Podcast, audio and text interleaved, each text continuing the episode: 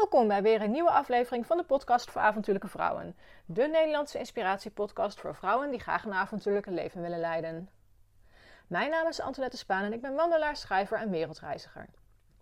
In deze aflevering ga ik in gesprek met Josie Smeets, eigenaar van Hoi Yoga en Josie's Happy Outdoor podcast. Ik vond haar podcast via de podcast app en ik raakte geïnspireerd door haar verhaal Ik krijg geen burn-out. Zoals jullie wellicht van mij weten, vecht ik zelf elk najaar opnieuw tegen een burn-out terugval. En daarop besloot ik Josie uit te nodigen voor de podcast, om hier eens over te praten en ervaringen uit te wisselen. We hebben een mooi gesprek over wat de natuur met je doet, buiten zijn, je hart volgen en kiezen voor het avontuur. De podcast werd heel toepasselijk buiten in de natuur opgenomen en daarom hoor je soms wat meer achtergrondgeluiden dan je wellicht van me gewend bent. Voor we verder gaan wil ik graag nog je aandacht vragen voor het volgende. De podcast voor avontuurlijke vrouwen is een project dat ik op vrijwillige basis doe en me elke maand een x-bedrag kost om in de lucht te houden en te produceren. Mocht je genieten van de podcast en de vrouwen die je hoort, dan zou ik het enorm tof vinden als je wilt overwegen om een donatie te doen. Dit kan al ter waarde van een kop koffie. Hiermee kan ik de podcast in de lucht houden en nog meer inspirerende vrouwen interviewen. Doneren kan via avontuurlijkevrouwen.nl/slash doneren. Ik wens je heel veel luisterplezier bij deze aflevering van de podcast voor avontuurlijke vrouwen.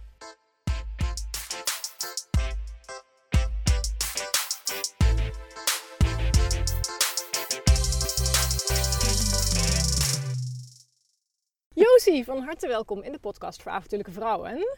Wij uh, zitten hier in de natuur en mm -hmm. in Nationaal Park de Mijnweg in Limburg, als ik me niet vergis, toch? Ja, ja helemaal goed. Brabant, Limburg, ja. maar Limburg. Ja. Ik ben hier, ja, ik ben hier Midden Limburg zijn yes, Mooi aangekomen vanuit Arnhem net. En um, uh, nou ja, voordat we gaan kletsen, wat we eigenlijk net al heel lang gedaan hebben, of een tijdje gedaan hebben. Uh, voor de mensen die jou nog niet kennen, wie ben je en wat doe je? Ja, ik ben Josie en ik ben uh, moeder van 38 jaar. En ik ben sinds vier jaar bezig als ZZP'er. En inmiddels heb ik een bedrijf van yoga, coaching en mindfulness. En dat doe ik uh, zoveel mogelijk buiten, omdat ik buiten zijn gewoon uh, super fijn vind. En ook merk dat dat eigenlijk uh, op alle vlakken het meeste resultaat biedt. Dus meer ontspanning, meer rust in je hoofd. En dat is waar ik zelf heel lang en soms nog steeds naar op zoek ben. En wat ik heel graag andere mensen ook gun. Dus ja. dat is vanuit mijn bedrijf waar ik me op richt. En je hebt ja. je eigen podcast. En ik heb mijn eigen podcast. Ja, ook vertel. Ja. Doe oh, meteen even vergeten. Doe meteen een promo voor jezelf. Ja, uh, ik uh, ben sinds kort gestart met mijn eigen podcast. Josie's Happy Outdoor Podcast. Want uh, HOI staat voor mij ook voor Happy Outdoor Yoga. En tevens coaching. En vooral het happy stuk is hetgene waar ik zelf al een hele lange zoektocht naar heb gehad. En in die podcast deel ik daar eigenlijk mijn eigen persoonlijke reis. En waar die zich verder naartoe ontwikkelt, zullen we vanzelf zien. Ja, dat weet je toch nooit van tevoren. Nee, Tenminste, precies. dat is mijn ervaring in de Nee. afgelopen paar jaar. Je weet nooit wat, wat er allemaal voor je, voor je ligt, als zolang je er open voor staat. Ja, ja. dus uh, ik ben gewoon gestart en we zien wel waar het schip strandt. En dat is eigenlijk alweer een persoonlijk avontuur op zich. Dus dat is wel, uh, wel heel leuk. Ja, ja. Nou, ik vind het allereerst super leuk dat we hier zitten. Ik zal zo wat foto's maken en die ook toevoegen aan het artikel. Zodat mensen ook kunnen kijken van waar zitten ze nou eigenlijk. We hebben een theetje ingeschonken. We zitten lekker in het semi-zonnetje in de natuur. Er is bijna niemand. Het is dinsdagochtend in november. Ja. En um, um, ja, het kan wel zijn dat de geluidskwaliteit iets minder is omdat we andere micro microfoontjes gebruiken. Maar als het goed is hoor je straks ook de vogeltjes op de achtergrond. En geeft dat weer een extra dimensie. Um, nou, de reden dat ik jou gemaild heb is, ik kwam op Facebook een podcast, of we waren Facebook vrienden volgens mij geworden. Mm, ja. En toen kreeg ik een, uh, een pop-up van jouw podcast, Josie's Happy Outdoor podcast. Dacht ik, hey, outdoor, leuk, check, aan mijn, aan mijn, op mijn lijst eigenlijk. maar waardoor ik het meest getriggerd werd, is jouw podcast waarin jij vertelt, um, of waar de titel van is, ik krijg geen burn-out. Ja. En ik struggle zelf al drie jaar lang elk najaar uh, met het niet krijgen van opnieuw een burn-out. En dat lukt niet elk jaar. Dit is het eerste jaar na drie jaar dat het me lukt om niet ontzettend moe te worden en terug te vallen naar mijn allereerste burn-out. En nou ja, gezien de situatie waar wij momenteel in zitten, coronavirus, beperkingen, dacht ik, ik ga jou gewoon mailen. Want ik wil gewoon heel graag andere vrouwen inspireren om de natuur voor je te laten werken. En um, ook te kijken naar ja, wat is burn-out? Hoe kun je het proberen te voorkomen? Um. Want er heerst soms nog best wel een beetje een taboe op burn-out. En het gevoel van gefaald hebben. Um, dus daar wilde ik eigenlijk met je over in gesprek gaan. Ja, ja. In de hoop omdat we andere vrouwen kunnen inspireren hierover. Want je hoort het gewoon overal om je heen. eh, ik zit tegen een burn-out aan, ik heb een burn-out, ik ben herstellende van een burn-out. Ehm, en ik wil... lijkt bijna een trend eigenlijk, een modeverschijnsel ja, zelfs. Ja. ja, en we hadden het net toen we hier naartoe liepen ook al even over van... Ja, wat is nou eigenlijk een burn-out? Er zijn geen vaste kenmerken voor een burn-out. Ik denk dat iedereen zijn of haar burn-out ook anders ervaart. Mhm. En soms lijkt het inderdaad bijna wel een trend om te kunnen zeggen... Ja, ik heb ook een burn-out gehad. En dan, ik hoor, ik hoor het mensen wel eens zeggen van... Ja, ik denk dat ik een burn-out heb. Bijna alsof ze, alsof ze weten dat ze er naar op, ja, dat ze er naartoe aan het werken zijn. En ehm, zo van, ja, dan heb ik dat ook maar gehad. En dan denk ik, oh, ik, ik hoop echt dat je realiseert wat een burn-out met zich meebrengt en wat de gevolgen daarvan zijn. Want als ik dit, nou ja, jaren geleden had geweten, dan had ik veel eerder op de rem getrapt. Ja. Hoe, hoe, is dat voor jou? Ja, ik denk, uh, ik noemde het ook, dus ik krijg geen burn-out, omdat ik voor mijn gevoel toen op het moment in ieder geval dacht, ik heb hem niet, maar ik hang er zo tegenaan. Ja. En voor mij was het stukje niet willen falen, het niet willen toegeven aan uh, dat het me niet gelukt was om uh, alles op een rijtje te krijgen, zeg maar. Want zo voelde ik dat toen heel sterk. Um, dus daarom wilde ik het vooral niet hebben. Maar de verschijnselen van uh, overprikkeld zijn, niet meer kunnen focussen, vermoeid zijn, um, eigenlijk continu gestrest en op je tenen lopen, ja, dat was ik eigenlijk al een aantal jaren aan het doen. En uh, steeds met grotere mate. Mm -hmm. En als ik nu terugkijk, ja, als ik dat veel eerder had geweten, als ik veel eerder die knop had omgezet en had gezien wat er um, oorzaak eigenlijk was van, van de reden waarom ik zo deed en waarom ik deed wat ik deed, ja, als je dat kan voorkomen, is het veel beter. Uiteindelijk um, wil je gewoon inzien waarom je die dingen doet, want dat is vaak waarom je een burn-out uh, krijgt. Omdat je toch niet helemaal dat en doen bent wat je graag wil doen en waar je blij van wordt, waar je energie van krijgt. En daardoor kost eigenlijk alles veel te veel energie. Ja. En op een gegeven moment is het vat leeg en uh, is ja. het uh, kaarsje op. Kaarsje op ja. en dan zit, je, dan, dan zit je ineens thuis. En dan denk je, oké, okay, en nu? Ik heb gefaald. Uh, vond ik. Ik dacht, ja, maar ik heb jarenlang alle ballen hoog gehouden. En ja, maar hoe kan ik nou falen? Ja. En ja, dan ga je met jezelf aan de slag en dan ontdek je ineens van, oh, maar wacht even. Het heeft er helemaal niet mee te maken dat ik alleen maar overwerk. Het heeft er helemaal niet mee te maken dat ik mijn werk misschien niet helemaal leuk meer vind, maar dat het gewoon van veel dieper uitkomt. Dat het niet alleen met werk te maken heeft, maar eigenlijk met veel te lang en veel te vaak over je grenzen heen gaan. En inderdaad, wat jij zegt, gewoon niet het leven leiden zoals je het zou willen leiden.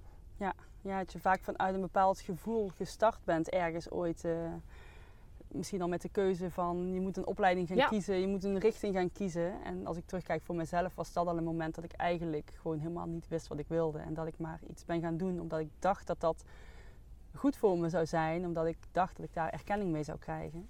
Want dat is een hele belangrijke voor mij uh, gebleken. En uh, uiteindelijk ben ik daar uh, ja, volledig de verkeerde kant op gegaan. En daarom ben ik ook echt 180 graden de andere kant op gegaan. Van laborant nu naar begeleider, coach, yoga docent, zeg maar. Dus dat haakster kun je het bijna niet hebben nee. eigenlijk. Uh, nee, klopt. Ja. Zou jij misschien in het kort, uh, want de mensen die luisteren, of de vrouwen die luisteren, die kunnen de hele aflevering terugluisteren uh, op jouw podcast. Mm -hmm. En ik zal hem ook linken in het artikel wat ik schrijf. Maar kun jij in vogelvlucht beschrijven wat jij de afgelopen jaren er beleefd hebt? En wat voor jou het keerpunt was om te zeggen, oké, okay, ik ga het roer omgooien, dit moet anders. Ja, ja ik... Um ik werkte als uh, laborant ergens uh, bij een bedrijf waar ik eigenlijk na mijn studie al begonnen was. Ik had een laboratoriumopleiding gedaan, mooi uh, meteen een baan gevonden, daar begonnen. Langzaam weg omhoog gewerkt, andere functies, ingewikkeldere functies, meer verantwoordelijkheid. maar ik bleef altijd het gevoel hebben dat het beter moest, anders moest. Um, ik was mezelf eigenlijk continu heel erg aan het pushen om maar zo goed mogelijk te zijn. En um, daarnaast had ik ondertussen ook een kindje gekregen. En uh, wilde ik ook nog de beste moeder zijn die ik kon zijn. En ook nog dat ze supergoed kunnen combineren. En vooral niet laten merken dat dat uh, niet, zou, uh, niet zou lukken en niet zou kunnen.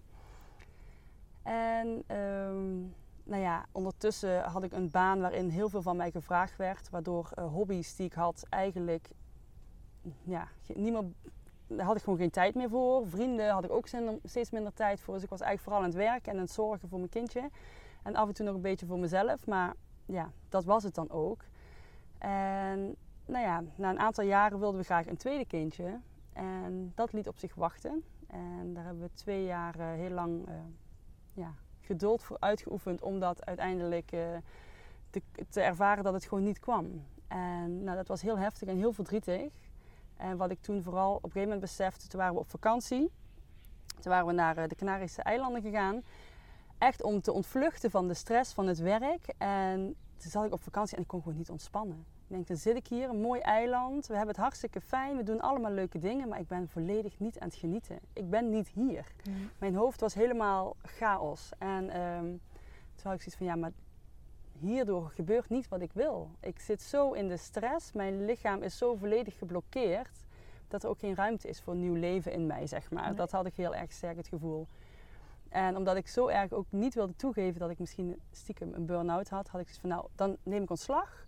Want ik ga echt niet ziek thuis zitten. Dat gaat mij niet gebeuren, want dan moet ik toegeven dat het me niet gelukt is. Dus ik neem gewoon ontslag en eh, dan zien we wel. En eh, op het moment dat ik dat besluit had genomen, viel er zo'n last van me af. Ja. En toen, toen dacht ik echt van ja, wauw, eigenlijk is het leven hartstikke leuk. En mijn baan ook best wel leuk. En opeens viel alles mee. Maar gewoon die keuze, die was zo belangrijk. Twee maanden later was ik ehm, thuis. Ik had me, ehm, ja, mijn baan opgegeven en toen was ik zwanger. Ja. En dat was voor mij wel echt het bewijs dat dat echt de juiste keuze voor mij was. Ja. Mijn lichaam was eindelijk ontspannen. Er was eindelijk ruimte voor iets nieuws. En dat was wel echt ehm, ja, de bevestiging van het universum eigenlijk, als ik het zo mag zeggen, dat, eh, dat dit wel echt de juiste stap voor mij is geweest. Ja, mooi. Ja. Ja. Nou, over het universum denk ik dat we straks nog wel even kunnen, kunnen hebben. Nee, je bent toen uiteindelijk heb jij, eh, ben jij voor de tweede keer moeder geworden van een zoontje, als ik me niet vergis. klopt. Eh, hoe oud zijn ze nu? Acht en bijna vier. Kijk, mooie leeftijden. En nou ja, je hebt dus je, dus je eigen bedrijf. Mhm. En ehm, in die tijd, je hebt, er zit ongeveer vier jaar tussen. Ja. Ehm, hoe heb je je toen ontwikkeld? Want, en gezorgd dat je niet opnieuw, want je maakt een bepaalde keuze. Mhm. Ehm, laat ik eerst een andere vraag stellen. Want dat is ongetwijfeld wat vrouwen zich afvragen. Hoe heb je het financieel gedaan? En je hoeft niet, in niet precies in details te treden van nou, Mhm. ik had zoveel op de spaar, spaarrekening of, of dit of dat. Maar ik, ik, ik weet dat er nu vrouwen zijn die denken, ja maar hoe, hoe, hoe, hoe, hoe dan? Ja. Was, was, was het financiële vlak, was dat een zorg voor jou op dat moment? Ehm, niet een hele grote, omdat mijn partner gewoon ook een goede baan heeft. En eh, op dat moment we dat makkelijk met zijn salaris konden eh, dragen. Mhm. En ik had, omdat ik geen hobby's meer had en weinig uitging en weet ik het wel, had ik best wel behoorlijk wat kunnen sparen. Dus ik had Ja. ook wel redelijk wat Ja. spaargeld. ja, Wat ervoor zorgde dat ik die stap redelijk makkelijk kon kon maken. Ja. Ehm, nou, een fijne bijkomstigheid was, doordat ik de keuze zelf had gemaakt, nou ja, krijg je eigenlijk, heb je je ontslag ingediend, krijg je eigenlijk niks. Maar mijn werkgever eh, wilde mij een steuntje teruggeven. Oh ja. Waardoor ik uiteindelijk toch wel eh, tijdelijk ook een uitkering Een heb, uitkering, kunnen ja, ontvangen. precies. Ja, Ja. ja. Ja, Nou, ik kan me goed voorstellen namelijk dat financieel... Ik heb er heel lang financieel tegenaan gehikt om Ja. mijn baan op te zeggen. Ik had een plan geschreven. ehm, dat is ook echt terug te lezen in mijn eerste blog over mijn avontuurlijke reis. Dat ik een plan had geschreven van nou, als ik eh, zoveel gespaard heb... Dan moet ik nog zo lang werken en zoveel per maand sparen. Dan heb ik zoveel geld en dan kan ik een jaar lang proberen te fulltime reisbloggen zonder inkomen. Ehm, dus mocht je niet de mogelijkheid hebben van een, een, een- partner Mhm. of een, eh, een uitkering of, of Ja. ondersteuning van je, van je voormalige werkgever, bekijk dan van oké, hoeveel per maand zou ik kunnen missen? Ja. En ehm, eh, wat kan ik aan de kant zetten? En ga dan kijken van nou, hoeveel tijd heb ik nodig om ja, het, drie of zes maanden zonder inkomen uit te zingen eigenlijk. ja, dat je die Ehm, buffer opbouwt eigenlijk. Ja. Precies, dat je een Ja. buffer opbouwt waardoor je ook geen financiële stress meer hebt. En bij mij is uiteindelijk is de, ehm, het financiële gekomen in de vorm van een erfenis van mijn vader die overleed. Dat gaf mij echt het moment dat ik dacht van, ah, poef, er, er is nu een financiële zekerheid.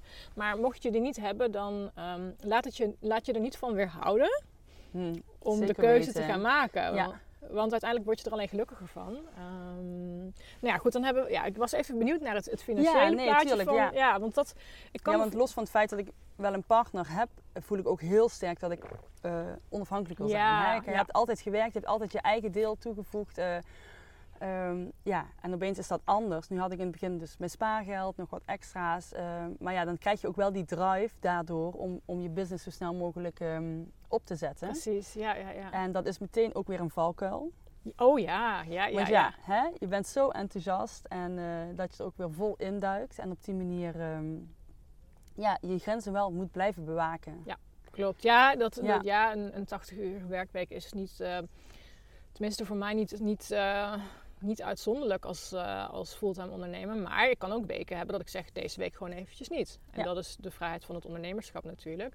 Ehm, nou ja, je hebt toen het besluit genomen van ik stop met werken en ik ga eh, doen wat mijn hart me ingeeft. Mhm. Hoe ben jij tot de ontdekking gekomen van dit is wat ik wil doen? Ja, dat is eigenlijk gewoon echt een, eh, een proces tijdens het lopen, zeg maar, tijdens het pad te bewandelen wat ontstaan is. Want ik wist eigenlijk niet wat ik wilde. Ik deed al jaren yoga. Ik vond het zelf heel fijn. Het bracht mij heel veel. Heel veel rust en ontspanning. Want ik ben gewoon iemand die heel veel in zijn hoofd zit en daardoor ook echt ehm, ja, soms volledig afwezig kan zijn van de daadwerkelijke wereld. En ik merkte dat yoga mij weer met terug met beide voeten op de grond bracht. En ehm, ja, er was opeens tijd en ruimte om om daar wat meer mee te gaan doen. En ik ben eigenlijk puur voor mezelf een opleiding gaan volgen. En zoals heel veel mensen dat doen, volgens mij, ja, dan klikt dat. Dat voelt zo goed dat je het ook wil gaan doorgeven. En van daaruit ben ik eigenlijk dat pad gaan bewandelen. En dus lessen gaan geven ehm, en dat steeds verder uit gaan breiden. Maar wat ik heel sterk voelde is van ja, net zoals ik, komt niet zomaar iemand op dat matje te liggen. Nee, Dus daar zit vaak nog een diepere reden achter. Ja. En dat triggerde mij enorm. Ik vind eh, persoonlijke ontwikkeling, eh, ja, de psychologie van de mens vind ik gewoon bijster interessant. En ehm, daar meer steeds meer in gaan verdiepen. Tot ik op het moment een opleiding tegenkwam waarbij yoga en coaching eh, gecombineerd werden. En toen dacht ik van ja, dat, dat is, is het. hem. Dat ja. is het. Want waarom doe jij wat je doet? Waarom ben je op die mat misschien stiekem nog zo hard aan het werken om eh, het zo goed mogelijk te doen? Of waarom ben je je nog aan het vergelijken met de buurvrouw die misschien gewoon veel flexibeler is dan jou en dat je dat mag gaan accepteren, zeg maar. Wat gebeurt daar in dat hoofd? En ja, dat is gewoon een super mooie ingang vanuit de yoga, waarbij je met de coaching weer juist bij die diepere laagjes komt eh, om te zien, ja, wie ben ik Ja. en waarom doe ik wat ik doe? En is dat wat ik doe wel van mij? Of doe ik dat ook maar omdat mijn ouders dat zo gedaan hebben? Ja. Denk jij dat je, ehm, ehm, want je hoort eigenlijk de laatste jaren steeds meer om je heen dat mensen kiezen voor het andere pad. Dus niet meer het pad wat ze van hun ouders hebben meegekregen of vanuit de middelbare school hebben meegekregen van je moet een vervolgopleiding gaan doen, want zonder diploma kan je niks. En alle, ja, tot een paar jaar geleden was eigenlijk de overtuiging je moet een opleiding hebben en Ja. je moet eh, eh, zoveel geld per maand verdienen en je moet een koophuis hebben en je moet dit, dit, dit en dit. Tegenwoordig gaan steeds meer mensen kijken van, maar wat wil ik echt? En ehm, heb jij het idee dat, dat, ehm, dat jij nu echt doet wat je doet en dat je de juiste keuze hebt gemaakt? Of denk je nog wel eens terug aan van, oh, maar toen ik nog op kantoor zat, had ik toch wel dat, dat, dat, financiële zekerheid, ik had collega's. Denk je nog wel eens met heimwee terug aan die tijd? Ehm, nou, aan mijn werk aan zich niet. Het stukje collega's soms wel. Ja, dat merk Ja. ik wel. eh, dat ik, eh, hè, als ZZP'er ben je toch veel eh, alleen aan het werk. En dan denken we af en toe wel eens van, oh, hoe leuk, hoe tof zou het zijn als je gewoon met een groepje ZZP'ers ergens op kantoor zou zitten. Zodat je toch ehm, ja, die gezellige momentjes daar hebt. Aan de andere kant ben ik heel veel met mensen ook op pad. Dus met coachings of met yoga dagen of wat dan ook. Dat je toch die, juist die diepere interactie hebt. En dat, ehm, ik, ik merk wel dat je het op een andere manier kan gaan invullen. En dat Ja. vind ik ook zo tof om te zien. Want ik werkte 12 jaar bij mijn werkgever. En ik had op een gegeven moment echt het gevoel van ja, dit pad kan ik bewandelen tot het einde van mijn leven. En dan is het klaar. Deze mensen ken ik, die blijf ik dan zien. Eh, en dat voelt dan zo veilig, maar ook zo voor mij heel erg benauwend. Dat ik dacht van ja, maar ah, er is nog zoveel. Ik heb heel veel gereisd. En daar, dat gevoel wat ik daar ervaar, dat wilde ik gewoon elke dag ervaren. Ja. En daar ontmoet je nieuwe mensen en er zijn zoveel mensen. En toen ik eenmaal het besluit had genomen, kom je juist weer die mensen tegen die net zo in het leven staan, die ook die wensen en dromen hebben. Ja. En dan heb je juist die momenten wat je misschien met je collega's had, maar eigenlijk op een veel beter en dieper niveau. Want je hebt de gesprekken die je eigenlijk zou willen hebben, niet alleen maar over, weet ik veel, de printer die het nu doet. Ik Ja, of de. Netflix-serie en... eh, eh, Precies, ja. Nou, ik kijk geen tv, maar alle tv-programma's van de avond van tevoren bij, Ja. de- bij het koffieapparaat. Precies, Ja. en, en dat soort chit-chat. En eh, ja, dan merk ik wel van ja, maar dat is eigenlijk uiteindelijk wel wat ik graag wil. En ook dat feit dat wij hier zitten, Ja joh! dat vind ik zo tof. Dat je gewoon, hè, je ontmoet gewoon weer nieuwe mensen met fantastisch mooie plannen, dromen en ideeën. En dat, dat maakt je wereld zoveel groter. Ja, En dat, die halen eh, je, ja, die, om, om jou even aan, te halen. Volgens mij zit die in je intro, intro, ja, uit je comfortzone halen. Ja, Precies. En, eh, ja. ik herken helemaal wat je zegt. Ik heb ook een, eh, een groepje bloggers om me heen met wie ik af en toe afspreek. Ja, nu is dat even wat minder omdat, ja, vanwege corona. Ja. Maar ik krijg op dat soort dagen, als wij samenwerken of gewoon samen wat leuks ondernemen, krijg ik zoveel positieve energie.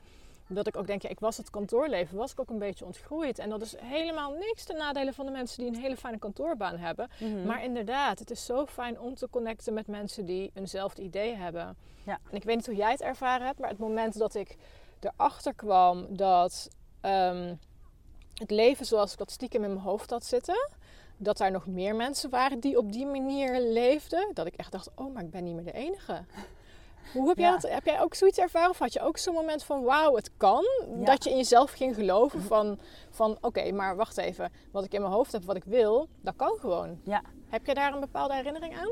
Ja, ik, eh, ja, ik merkte heel erg inderdaad door, ehm, zeker door als je hè, zo'n opleiding gaat volgen, bijvoorbeeld met een yogaopleiding, zijn heel veel mensen ook al met hetzelfde gevoel, dezelfde ehm, eh, visie van het leven. En daardoor ehm, zie je gewoon van, oh, er zijn gewoon veel meer mensen die ook dat willen. Ja. Dus ik, ik ben niet de ene gek De enige die ja, denkt nee, dat ja. het anders moet, zeg maar. En die, die er een beetje aan, tegenaan het schoppen is tegen, tegen wat iedereen eh, standaard doet.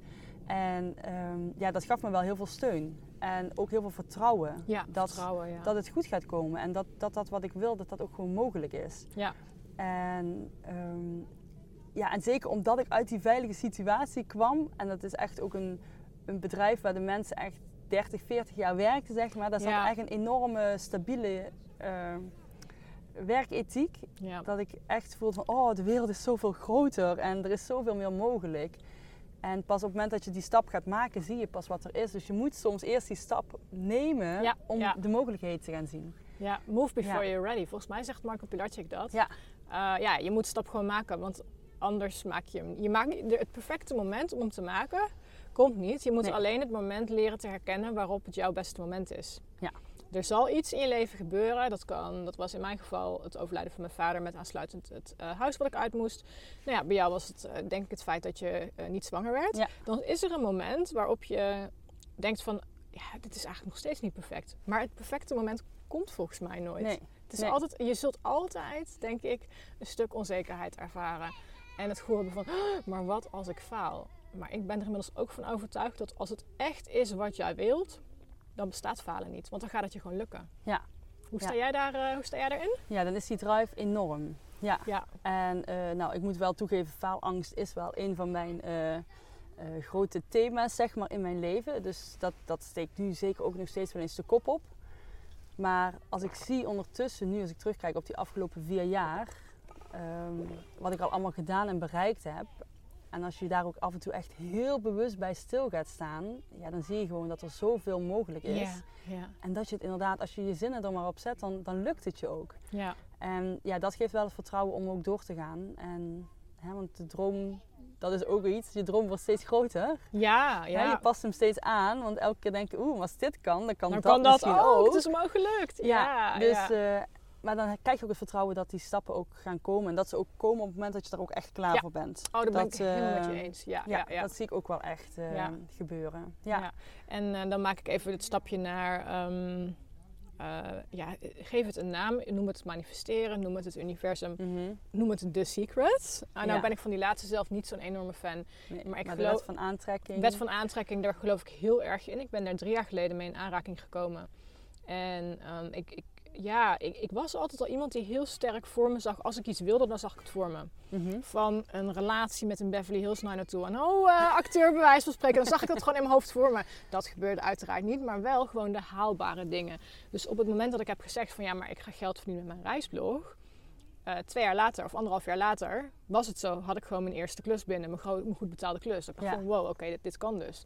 En als je dat gaat inzien, dan denk ik dat je... Ik geloof heel erg in dat je ergens naartoe gaat werken. Ja. Dat je jezelf openzet voor alles wat op je pad komt. Uh, hoe ga jij met, met, met de Law of Attraction of de wet van aantrekking om? Heb jij daar bepaalde um, uh, manieren voor? Of uh, hoe, hoe, manifesteer jij de dingen die je graag zou willen manifesteren? Um, ja, ik werk um, zeker met de wet van aantrekking. En ik doe het eigenlijk vaak ook het liefst gecombineerd met de, de maan. Dus okay. ik werk ook heel graag via uh, de maancyclus, omdat ik uh, eh, dan voor mij echt een afgelezen moment kan creëren om daar heel bewust mee bezig te zijn. Ja, ja, ja. Omdat, ehm, ja, ik ben niet iemand die daar elke dag heel bewust mee bezig is. Mhm. Maar dus met de nieuwe maan creëer ik altijd echt een momentje waarop ik Oh. ga schrijven. Ja, Wat wil ik in die komende periode gaan doen? Waar wil ik me op gaan richten? En dat ook dan uitschrijven. Hoe wil ik me daarbij voelen? En wat wil ik vooral ook weer niet? Wat ga ik loslaten? En daar maak ik dan een heel leuk klein ritueeltje van. Ja, waarbij ja, ja. ik hè, een vuurtje stoken, wat salie. Nou ja, noem maar op. Mooie muziek erbij. Mhm. Gewoon even echt heel bewust dat gevoel oproepen en eh, het beeld voor me halen. En dat doe ik dan ook een keer met de, de volle maan. Want dan is vaak halverwege hè, die maandperiode. hè. Kijk even terug. Heb ik al de juiste stappen gezet om, eh, om daar te komen. Er staat een kindje heel hard, hard te schreeuwen op de achtergrond. Dus misschien hoor je dat. Wij moesten allebei even lachen om het kindje. Sorry dat ik je onderbrak. Maakt niet uit. Ehm, Eh, de volle maan. ja, dus met de volle maan Ja. kijk ik nog even terug. Van ben ik ook echt de juiste stappen aan het zetten. Dat werkt Ja. voor mij wel heel goed. Omdat ik gewoon ook een beetje een chaot ben. En heel snel afgeleid kan raken. Dus Ja. ook wel eens van mijn pad af kan raken daardoor. En dan kun je op dat moment weer bijsturen. Ja. En dat werkt voor mij wel heel mooi. Omdat het gewoon twee duidelijke momenten zijn. Ja, ja, ja. eh, waarbij je dat nog een extra kapstokje hebt eigenlijk om het op te hangen. En ja, je ziet ook dat dat werkt. En dat dat eh, wat oplevert. Ja. ja.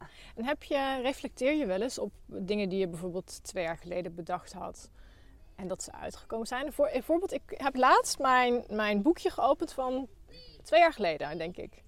En daar stond in, dat was nog voordat ik de naam van dit, dit bedrijf bedacht, Avontuurlijke Vrouwen, heb ik opgeschreven in mijn roadmap, mijn vijfjarige roadmap. Ik wil binnen Nederland autoriteit worden op het gebied van avontuurlijke vrouwen.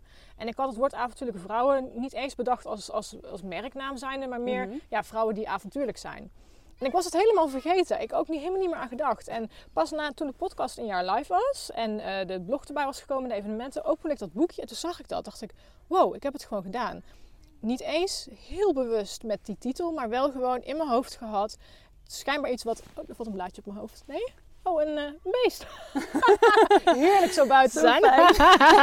Ehm, en toen zag ik dat. Ik dacht van, ik heb het gewoon gedaan. Ja. En ehm, heb jij wel eens, eh, reflecteer jij en dan kijk je van, dit is wel gelukt, dit is niet gelukt. En geloof je dan ook erin dat als er dingen niet gelukt zijn of niet gebeurd zijn, dat het dan niet jouw juiste pad is? Hoe sta, hoe, hoe sta jij daarin eh, op dat gebied? Ehm, ja, ik kijk wel terug, zeker weten. En dat dus dan vaak ook eh, aan het einde van het jaar. Hè, ook een mooi moment altijd om dat te Ja. doen. En dan heb je inderdaad je boekjes waar je die dingen in op hebt geschreven.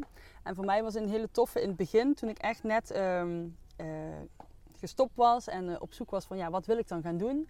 Toen in die periode ben ik ook heel veel gaan, ehm, gaan suppen, stand-up paddling bij Oh ja, ons in ja. Remond. En dat vond ik zo fijn. Dan was je, ja, die verbinding dan met de natuur is, is zo groot. En ik weet dat ik toen nog had opgeschreven van... ehm, ja, en dan hoe ziet je ideale dag eruit? Dan sta ik op en dan heb ik een kopje thee. En dan ga ik lekker naar het water, ga ik suppen. En daarna ga ik, eh, heb ik een afspraak ehm, met interessante mensen. En heb ik gesprekken en bla bla bla. En op een gegeven moment had ik zo'n dag. En ja, die verliep gewoon zo. Ik ging gewoon even lekker een rondje het water op voor mezelf. Daarna had ik een coaching, een supermooi gesprek met iemand. Daarna had ik nog eh, wat andere dingetjes. En met zo'n voldaan en fantastisch warm gevoel ging ik naar huis. En toen las ik dat nadag van, ja, zo ziet mijn dag er inderdaad ja, gewoon uit. je hebt het gewoon gedaan. Ja, en dat, en dat is dan gewoon iets zo, ja, lijkt iets heel kleins, maar dat was zo van wauw. In plaats van ik sta op, ik haast me om op kantoor te komen. Ik werk de hele dag heel hard en ik rij weer naar huis. Was dit gewoon even zo, hoe de dag inglijden, het water op, Ja. lekker buiten zijn. En Ja. ja. dat zijn wel echt hele mooie dingen. En ook het eh, niet te geforceerd laten zijn, denk ik. Want wat jij nu zegt, van je had het misschien in eerste instantie helemaal niet in de gaten. Maar ik denk als je daar alleen maar mee bezig bent, van alleen maar ik moet dit en ik moet dat. Nou ja, dat is hetzelfde met jouw tweede zwangerschap. Als je forceert, dan gebeurt het niet. Dan blokkeert het ergens. Ja. En eh, ik denk dat het wel heel belangrijk is om, eh, om, om over na te denken. Van als je iets echt wilt, let it go. Het Ja. komt. Ja. Linksom of rechtsom of van onder of van boven. Alleen, ja, je moet er wel bewegen. Naar... Je moet wel de stappen zetten Ja. die er naartoe kunnen leiden. Ja, ik, ik geloof niet aan als ik hier nou ga zitten hummen op dit bankje en ga roepen. Ik wil, nou ja, het voorbeeld van de rode Ferrari, of een Ferrari is voor mij altijd rood, of niet, eh, de rode sportwagen, die komt hier dan niet zo aanrijden. Nee. Maar wel als ik dadelijk op de snelweg ga rijden en mijn ogen goed open houd en denk van, oh, dan, dan is de kans groot dat ik een rode Ferrari voorbij zie komen. Omdat ik me dan beweeg in de richting van waar het mogelijk zou kunnen gebeuren. Ja. Om even een heel simpel Ja, voorbeeld ja, eh, te geven. Heb jij ehm, eh, tips voor vrouwen die denken van, nou, ik wil eigenlijk wel wat, maar hoe beweeg ik in de juiste richting? Kun je daar iets over vertellen hoe jij dat doet? Ehm, nou, de eerste stap voor mij altijd is heel belangrijk, is echt rust nemen. Mhm. En naar buiten gaan werkt daar voor mijn gevoel 100% in mee. Omdat je daar al zoveel de energie van de natuur voelt, de energie van de wereld, maar ook de rust en kalmte. En ehm, dan, dan kun je eigenlijk al die dingen wat je misschien bezighoudt, die kunnen van je afglijden. En dan ontstaat er ruimte. Ruimte om te gaan dromen, om te gaan eh, visualiseren.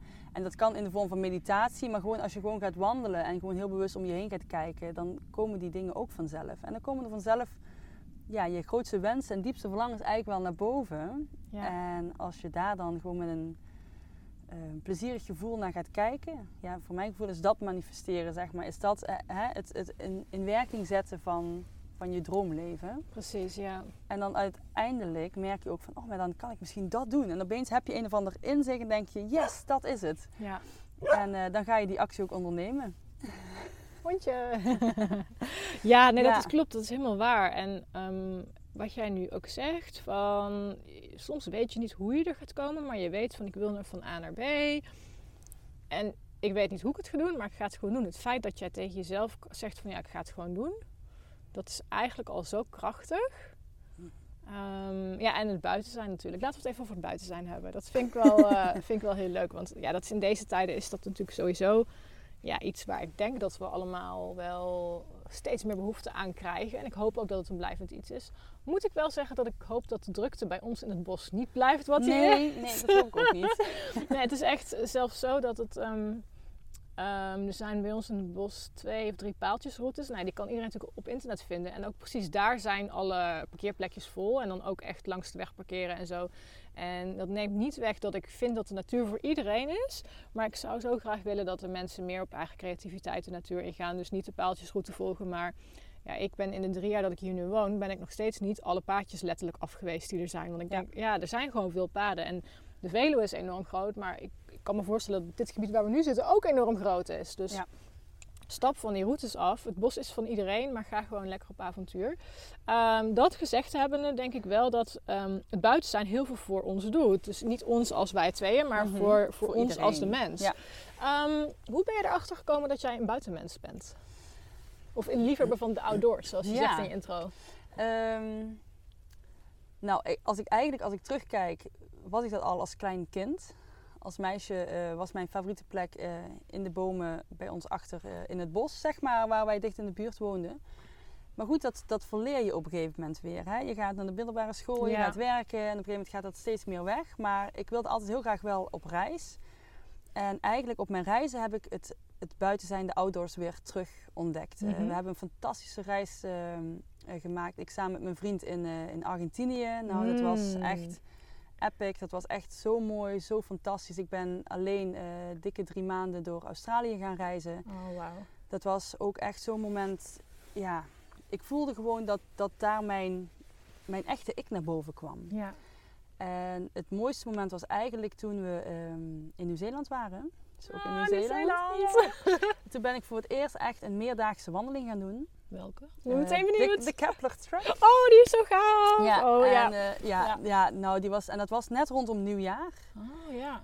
En nou ja, goed, tot die tijd bestond ons leven. Ik eh, speelde muziek, dus wij zaten echt in de bandjeswereld. Mhm. eh, veel optreden, Ja. s'nachts op pad. eh, nou ja. En toen waren we opeens op vakantie in Nieuw-Zeeland op reis. En eh, stonden we daar om zes uur s morgens op nieuwjaarsdag klaar om weer te gaan wandelen. De lucht was kraakhelder blauw. We stonden op de prachtig mooiste berg daar. En toen dacht ik, ja, maar dit, dit is het leven. Dit is Ja. wat ik wil. Hier Ja. voel ik mij zo mij. Hmm. Zonder echt precies daar woorden aan te kunnen geven. Maar ik voelde me zo mezelf en puur en goed.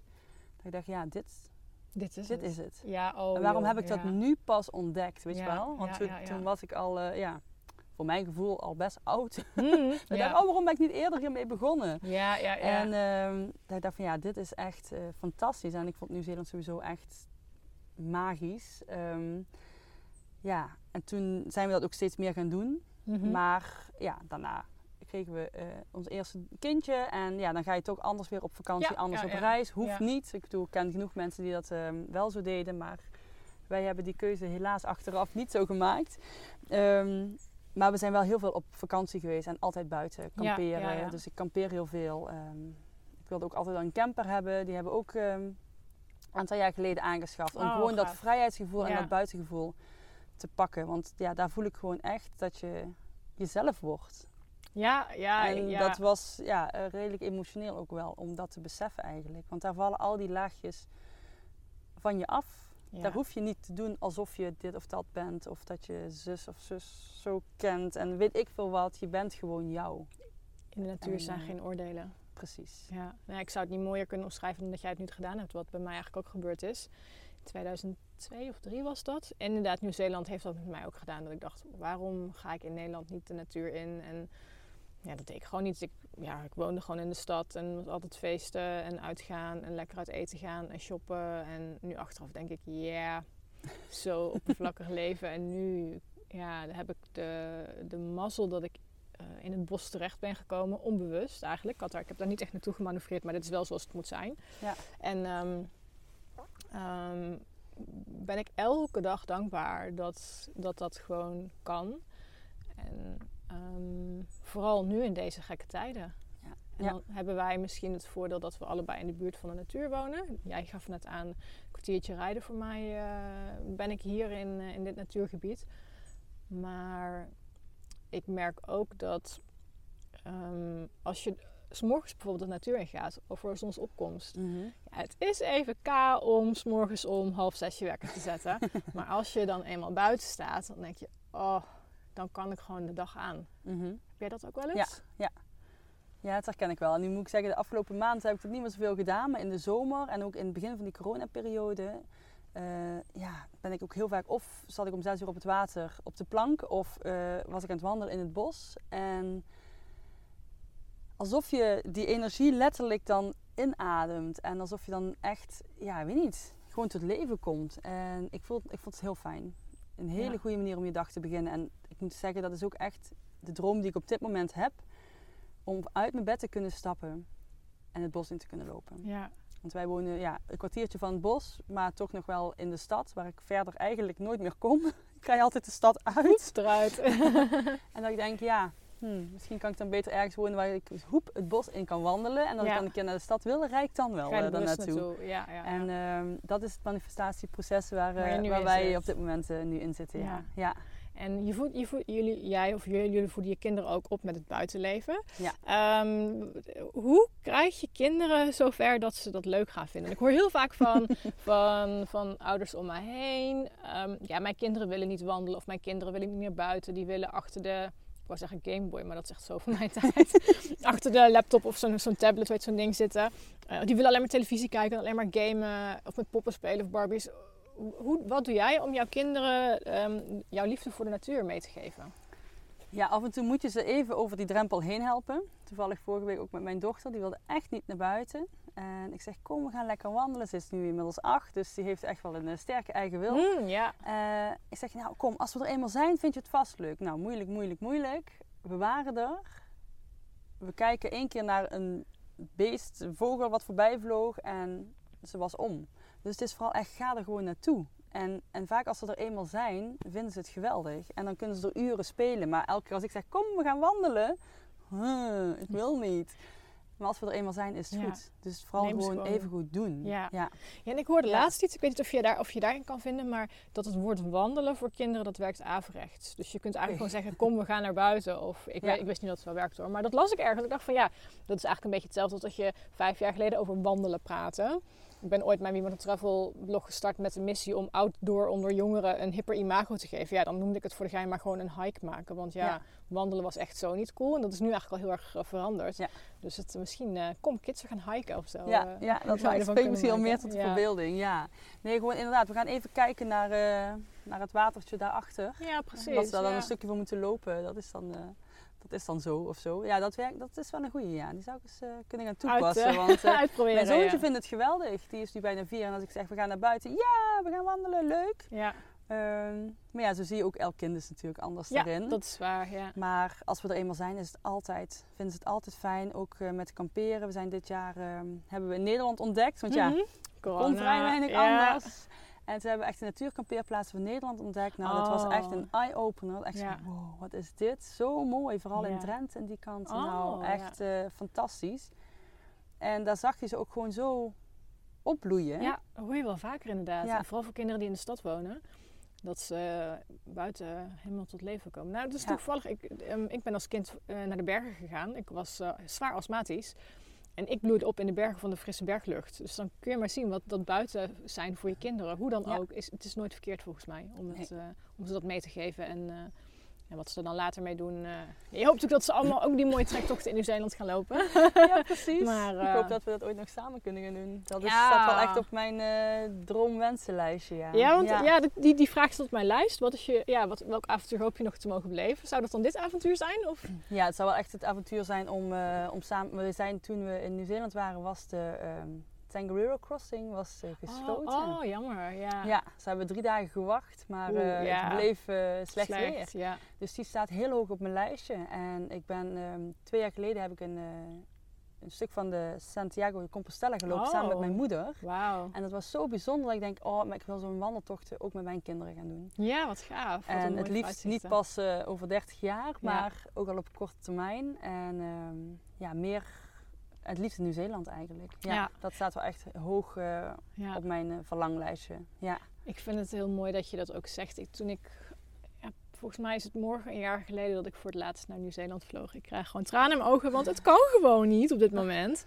Ik blijf gewoon volhouden dat ik, ik ga het ook even eh, in de wereld gooien, dat ik in april gewoon weer naar Nieuw-Zeeland ga. Het staat op mijn bord thuis geschreven. April 2021 ben ik in Nieuw-Zeeland. Geen idee hoe, maar ik ben, ben in april 2021 in Nieuw-Zeeland. Ehm, maar goed, een jaar geleden stapte ik op het vliegtuig en ik ontmoette toen een gezin en dat was zo gaaf. Dat was een gezin met eh, kinderen van, ik denk, eh 10 en 6 en 5, 4, een, hele, een heel jonkie nog. En die fietsten de Heavy-track met z'n allen. Wauw. Dat je denkt, nou, ik weet niet hoe ze dit doen, maar ze doen het. En de Heavy-track is, ik weet niet of je hem kent, maar het is vrij heuvelachtig. Het is geen alpien terrein, maar het is wel. Het zijn eh mountainbike paden. Dus het zijn wel vrij brede paden, geen single tracks of zo. Dus de- Ja. voor een trektocht is die vrij makkelijk. Als in zijnde geleidelijk qua hoogteverschil en breed genoeg om met z'n tweeën naast elkaar te kunnen lopen. Maar hij mag dus in het, in het laagseizoen mag hij ook als mountainbike track gebruikt worden. En ik vond het zo ongelooflijk stoer van die, die, dat stel dat zij vertelde van ja, wij nemen gewoon onze kinderen één keer per jaar mee. Dan krijgen we ook vrij van school om dit te doen. Want in het hoogseizoen mag het niet op die trek. Maar dan zeggen ze ook van ja, dan gaan wij gewoon fietsen met z'n allen. Ja. Ja, en dan moeten we de kinderen een keer dragen. Dan moeten we hun rugzakjes een keertje overnemen. En dan moeten we een keer een stuk lopen omdat ze niet omhoog kunnen. Maar we doen het wel. Maar die kinderen waren ook zo beleefd en netjes. En die waren lekker buiten aan het, aan het spelen. Toen dacht ik van, dit is echt, oh, dit, zou, dit is echt zo gaaf dat die ouders besloten hebben van... ehm, wij vinden dit geweldig en we willen dit op onze kinderen overbrengen. Dat die kinderen vonden het ook geweldig. Dat ik dacht, ja, Nieuw-Zeeland is daar natuurlijk ook echt wel ja, een bestemming bij uitstek voor. Mhm, Hier in ja. Nederland is het misschien toch lastiger. Maar ik vond het zo mooi om te zien van wow, dit, dit, kan, dit kan ook in plaats van de iPad en de... Nou ja, en nu, ga ik, nu, nu zeg ik niet dat, dat een iPad slecht is hoor. Maar ik denk wel dat het mooi is om je kinderen de magie van de natuur mee te geven. Precies. En- daar meer, eh, meer hun oog op te laten richten gewoon. Ja? En, en tuurlijk, wij gebruiken ook af en toe eh, de televisie als handig middel om eh, Tuurlijk, ja. even zelf ook een moment van rust te creëren. Daar zou ik echt liegen als dat niet zo was. Ja, maar dat doet elke ouder volgens mij, toch? ehm, Op het moment dat je gewoon ze de, de weg naar buiten kunt geven. Ja. Dat is gewoon zo mooi en zo krachtig. En je ziet gewoon ook op vakantie in elk geval, er wordt niet eens om gevraagd om die tablet. Nee. Weet je, omdat je gewoon continu buiten bent. En dat is ook waar ik van droom dat op het moment dat wij zo'n plek in de natuur gevonden hebben, dat het buiten zijn lonkt en niet een scherm. Ja, En ja, dat ja. dat prio 1 is. En dat ze daar hun eigen avontuurtjes mogen gaan beleven. Op microschaal nog even. Maar zodat ze daardoor juist zichzelf durven te gaan uitdagen. En nieuwe wegen in durven te gaan. En dat je die vrijheid dan ook kunt geven en dat ze ook altijd weer terug mogen komen. En dat is denk ik een heel belangrijk leerproces voor een kind. En daarmee geef je ze ook zoveel ruimte naar de toekomst toe. Ja, zeker. En uh, ja, ik merk gewoon dat waar we nu wonen kan dat ook. Maar ja, nee, ik zie het toch wel meer in een natuurlijke omgeving. En ja, voor ons is dat wel op Nederland. Mhm. Maar met de droom om wel even goed die reizen kunnen, te kunnen gaan maken. Zodat we dat uh, ook met ze kunnen delen. Ja, mooi. Ja. Heel gaaf. Um, ik maak even de koppeling naar yoga. Gewoon ook een stukje persoonlijk interesse. Het heeft bij mij nou wel vijf jaar gekost om yoga leuk te gaan vinden. Jij zei straks van, ja, uh, ik ben een... Uh, hoeveel jaar geleden was je ook weer begonnen met yoga? Uh, 13 jaar geleden. Ja, 13 jaar geleden. Als ik het 13 jaar geleden de, de, de, de, de, de moeite had gevonden of de tijd en de energie er echt in had gestoken, dan was dat misschien had me dat een heleboel ellende bespaard. Maar um, nee, ik heb uh, heel vaak yoga geprobeerd, want ik weet dat het goed voor me is. En ik weet dat er gezegd werd, ja, maar yoga is goed voor je, dan moet je yoga gaan doen.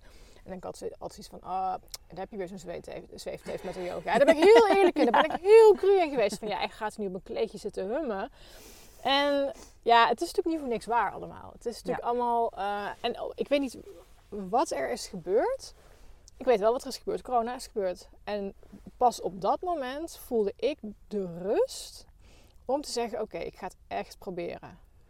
En sindsdien merk ik echt dat er zo'n enorme rust over mij heen is gekomen. Dat ik echt denk: ik ben een enorm druk persoon in mijn mhm. hoofd, maar ook in mijn praten en in mijn doen. En altijd bezig, altijd druk, altijd schermpjes, altijd dit, altijd aan. En um, dit, dit laat mij echt tot rust komen en op een fijne manier voor mijn dag starten. Dus ik ben heel dankbaar dat ik dit heb mogen ervaren en dat me dit gelukt is. Ja, supermooi. Op het moment dat het voor mij goed was. Want daarvoor, ik heb wel yoga gedaan, maar dan dacht ik, ah ja, ik kan dat allemaal niet. Ik ben helemaal niet flexibel. En inderdaad, ik kijk naar mijn buurvrouw van, oh ja, zij ligt wel helemaal met haar buik plat op de, op de, op de mat, terwijl ik nog geen vijf centimeter naar voren kom, weet je wel. Ehm, stel, je hebt iemand zoals mij, die zegt van, ja, dat yoga, dat vind ik allemaal te zweverig en dat doet niks voor me. Hoe zou jij zo iemand overhalen om het of meenemen om toch te gaan kijken van ja, maar het kan wel echt veel voor je doen? Ja, dat is een hele mooie vraag. Ehm, ja, nou, ik moet zeggen, ik herken dit ook hoor, voor mezelf. En je hebt heel veel vormen en heel veel stromingen. En dat vind ik het mooie, ehm, dat je op yoga op zoveel manieren kunt benaderen. Want mhm. eigenlijk is het niet meer dan aanwezig zijn bij jezelf. Ja. Bewust worden van je lichaam, bewust worden van je ademhaling. Zodat er daardoor rust komt in je hoofd. En dat is eigenlijk voor mij de basic, in ieder geval als je het hebt over de yoga houdingen. Hè? Mhm. Want yoga is natuurlijk nog veel meer dan alleen maar de houdingen doen. Ehm, maar uh, door gewoon even heel bewust te bewegen, al is het alleen maar een keer je schouders draaien, een keer je nek strekken ehm, en jezelf uitrekken, dan ben je al yoga aan het doen. Zo simpel is het. En, ehm, dus je hebt helemaal geen kleedje en een fancy outfit nodig en weet ik veel wat om yoga te kunnen nee, doen eigenlijk. Nee, op een gegeven moment is het ook wel uh, zeer hip geworden uh, met allemaal fancy outfits en weet ik het wat allemaal. Uh, hartstikke leuk, maar ook um, het streeft een doel voorbij. Voor mij is het echt back to the basics. En dat is gewoon terug naar je lijf. En ja. dat is eigenlijk wat voor mij yoga is. En dat hoeft niet in stilte, dat hoeft niet zittend. Als dat jou helpt om dat lopend te doen of om... Um, dat ehm, met een lekker muziekje aan te doen, ook prima. Ehm, maar ga eens in beweging komen met jezelf. Ja. ja. Dus wat je eigenlijk zegt is dat ehm, voor jou is yoga niet per definitie in de lotushouding op een matje zitten. Maar yoga is heel veel andere dingen. Waarbij jij dus met je lichaam en je bewustzijn aan de slag gaat. Ja, ja. ja, ik heb altijd geroepen, voordat ik dus de yoga, traditionele yoga op, op de mat deed, mm heb ik altijd geroepen, wandelen is mijn yoga. En dan werd ik altijd uh, lachend aangekeken van ja, wandelen is toch geen yoga. Maar voor mij was de ervaring, was wel echt uh, ja, rustgevend. Ja. En, uh, en um, ik, ik, ik vind het voor, bijkomende voordeel dat ik het nu op de mat kan doen, dat het me soepeler maakt. Op, op heel veel, heel veel fronten. Het heeft zeker weten ze fysieke voordelen ook. En ja. dat, dat, dat werkt op diepe lagen door. Ja, maar inderdaad, dat yoga kan dus eigenlijk op allerlei uh, vlakken ervaren ja, worden. Ja, ik denk, denken dat je moet gaan zitten op een matje uh, en dan een uur in stilte moet gaan zitten, dat is een mooi streven. Mm -hmm. Zeker. Maar als ik kijk naar mezelf, um, daar was ik heel lang geleden niet. En zelfs nu zijn er dagen dat me dat niet lukt. Nee. En dan mag je ook andere vormen pakken. Want uiteindelijk is meditatie is gewoon het naar binnen keren. En het eh, loskomen van de zintuigen om je heen. En voelen wat er in jouw binnenwereld speelt. En dat zien, maar ook weer loslaten. En dat is een continu proces. En dat of je dat nou zittend doet of wandelend doet. Ik bedoel, wandelmeditatie is een vorm van meditatie. Meditatie is yoga. Wij zien in de westerse wereld yoga als eh, het doen van heel veel asana's, houdingen. Mhm. En dat is heel goed voor je fysieke flexibiliteit en voor het, nou ja, als je dan nog een laagje dieper zou praten over energiebaan en dat soort dingen, zeker weten. Maar ehm, je kan het op heel veel manieren inkleden. En ik zie zelf bij, eh, ik doe namelijk ook heel veel mindfulness wandelingen, yoga wandelingen. Dat maakt het zo laagdrempelig om daarmee aan de slag te gaan. Want je hoeft niet in de kleermaker zitten om een matje te gaan zitten. En je kan gewoon in een semi-comfy outfit gewoon de natuur ingaan. Het voelt allemaal net iets minder zwaar of Ja. zweverig. Ja. En dat, ik hou juist van dat down to earth. Echt letterlijk. Gewoon met je voeten op de grond en daar eh, je dingen Ja. doen. Ja, en ik denk dat ik daar heel bang voor was. Dat ik van mijn stoere outdoor chick houding, dat ik, dat ik een softie zou worden. Een, zwe een, zwe een, zweef- zweefteef. Ja, een zweefteef. Ja, ik vond het een beetje neerbuigend dat ik net zei van, oh, zweefteef. Maar ja, daar was ik wel bang voor. Nou, ik voel me niet aangesproken, dat scheelt. En sorry dames als ik jullie eh, beledigd heb. Het is zeker niet mijn bedoeling. Ehm, want ik ben er nu achter gekomen dat er eigenlijk helemaal niks zweverigs is aan yoga. Maar dat dat wel de, het imago is wat het heeft binnen, binnen Nederland. Ja. En binnen de westerse maatschappij eigenlijk Ja. eh, heel erg. Ehm, mocht je net als ik denken van, oh ik wil er eigenlijk wel meer mee. Ik heb leren yoga doen door het YouTube kanaal Yoga with Adrian. Ja, heel fijn. Oh, zij is Ja. zo leuk. Zij is, zo, zij is Ja. gewoon leuk. Ze is down to earth en het is eh, simpel, Ja. kort. Eh, ik doe het elke dag en er staan echt ehm, wel ehm, Heel eh, veel video's. heel veel video's. En ze heeft een aantal maandprogramma's, 30 dagen programma's. Mhm. Ik ben begonnen met de home versie. En toen ben ik, eh, ik weet niet meer gaan doen. En nu doe ik de true. En true heb ik bijna af. Ik zit op dag 28. En eh, ik kijk er echt naar uit elke ochtend. Dat kan ik echt, dat had ik drie jaar geleden nooit durven zeggen. Maar ik denk, ik kijk nu echt elke ochtend naar mijn momentje uit. Ik drink twee grote glazen water en ik ga op de yogamat zitten. Ja. Niet elke ochtend. Vanmorgen heb ik het niet gedaan, ik moest op tijd weg. En waarschijnlijk ga ik vanavond met een vriendinnetje van mij yoga doen. Maar in principe vijf dagen in de week lukt het me wel. en dan dat denk ik, zie nou, het is me wel gewoon gelukt. zonder dat ik echt bewust dacht van, ik moet dit. Dat is weer dat geforceerde wat we Ja. straks zeiden ook. Hè? Van, ik moet nu yoga gaan doen. Nee, ik ga nu yoga doen. Omdat ik het wil en niet omdat ik het moet. Precies, want dan komt het uit van, vanuit een intrinsieke motivatie. Ja, en, en daar gaat het uiteindelijk om. Want dat levert je iets op. Ja, Ja. in plaats van het moeten gaan zitten hummen op een, eh, op een matje. Ja. Ehm, even denken, waar ik het nog meer over heb. Ik ga eens even kijken hoe het met de tijd staat. Oh, we zijn al 50 minuten bezig. Gaat alweer Echt hard. Ehm, laat ik even wat algemene vragen behandelen. Ehm, we hadden al, ik had al gevraagd wat jouw eh, wens is qua avontuur. Mhm.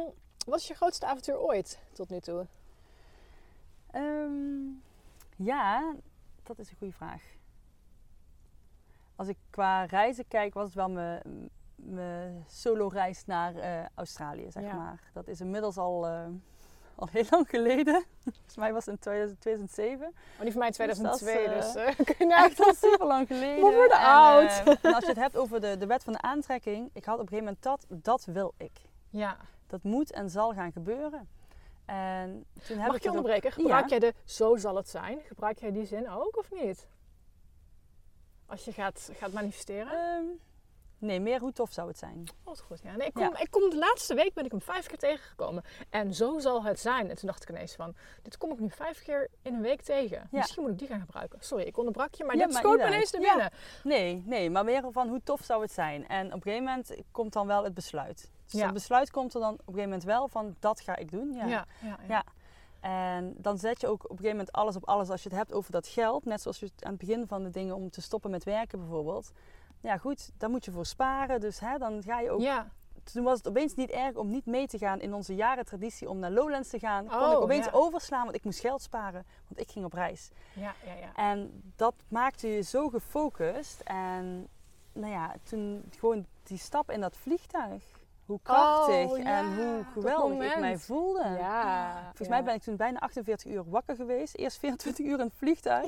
Aangekomen. S'avonds staan nog meteen op stap. Ik weet niet wat, maar ik ben echt... Nou ja, je zat in zo'n adrenaline rush. En dat was echt Ja. geweldig. En ja, daar heb ik zoveel nieuwe dingen gedaan. Ik ben voor het eerst gaan duiken, eh, echt zoveel hikes gedaan, eh, zoveel nieuwe mensen mogen ontmoeten. Ik heb een vriendin van mij, ehm, die woont in België, maar inmiddels zijn wij dus al 13 jaar, klopt dat, rekensom?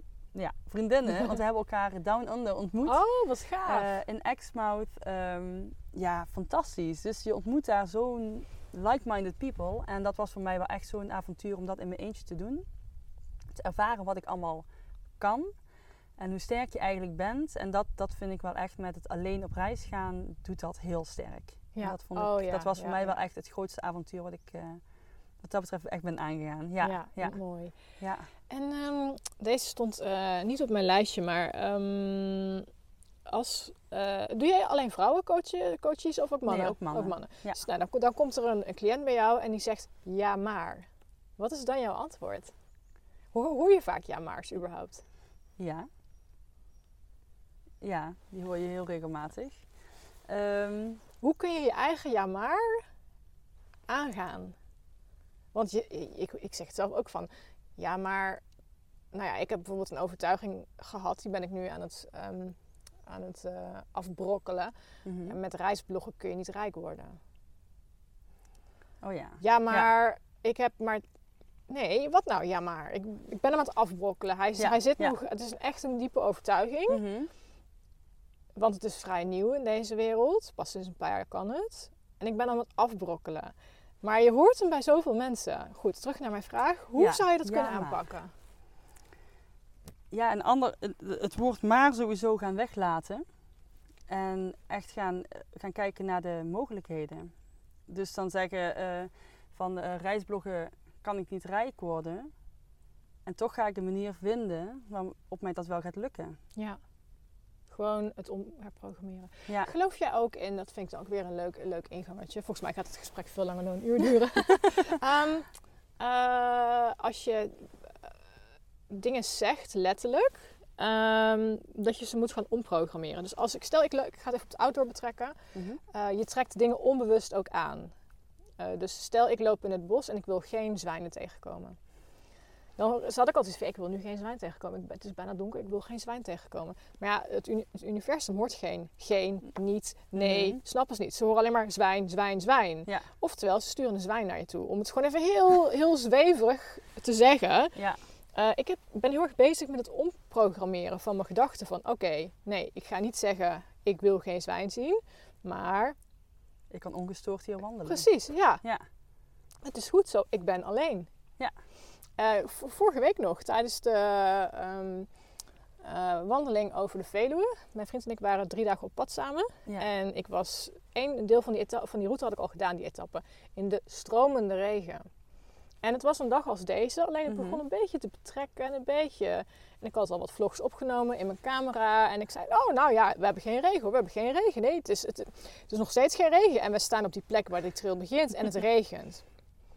Het zegt mijn vriend ook, ja, jij loopt de hele dag alleen maar te roepen, we hebben geen regen, we hebben geen regen. Zeg nou gewoon dat het droog is. Ja. Dacht ik, ja, dat is jezelf eigenlijk omprogrammeren. Ja. Naar, oké, wacht even, ik, het wordt niet, eh, nee, eh, geen, dat bestaat niet. Dus probeer het je tegenovergestelde andere te zinnen gaan gebruiken. En dat, dat is eerst het bewust worden dat je het überhaupt zegt. Ja, überhaupt. Ja. En dan eh, ja, eigenlijk jezelf een soort, hè, een soort spel van maken. Ik ga dat vandaag, het woordje niet, gebruik ik niet. Nee, precies. ik gebruik Ja. alleen maar woorden die mij dienen vandaag. Ja. Ja, En zo zal het zijn. en zo zal het Of zijn. hoe tof zou dat Ja. zijn? Ja. Nee, ik heb echt een paar keer gehoord afgelopen week dat ik dacht, ja, die moet ik. Nee, die moet ik.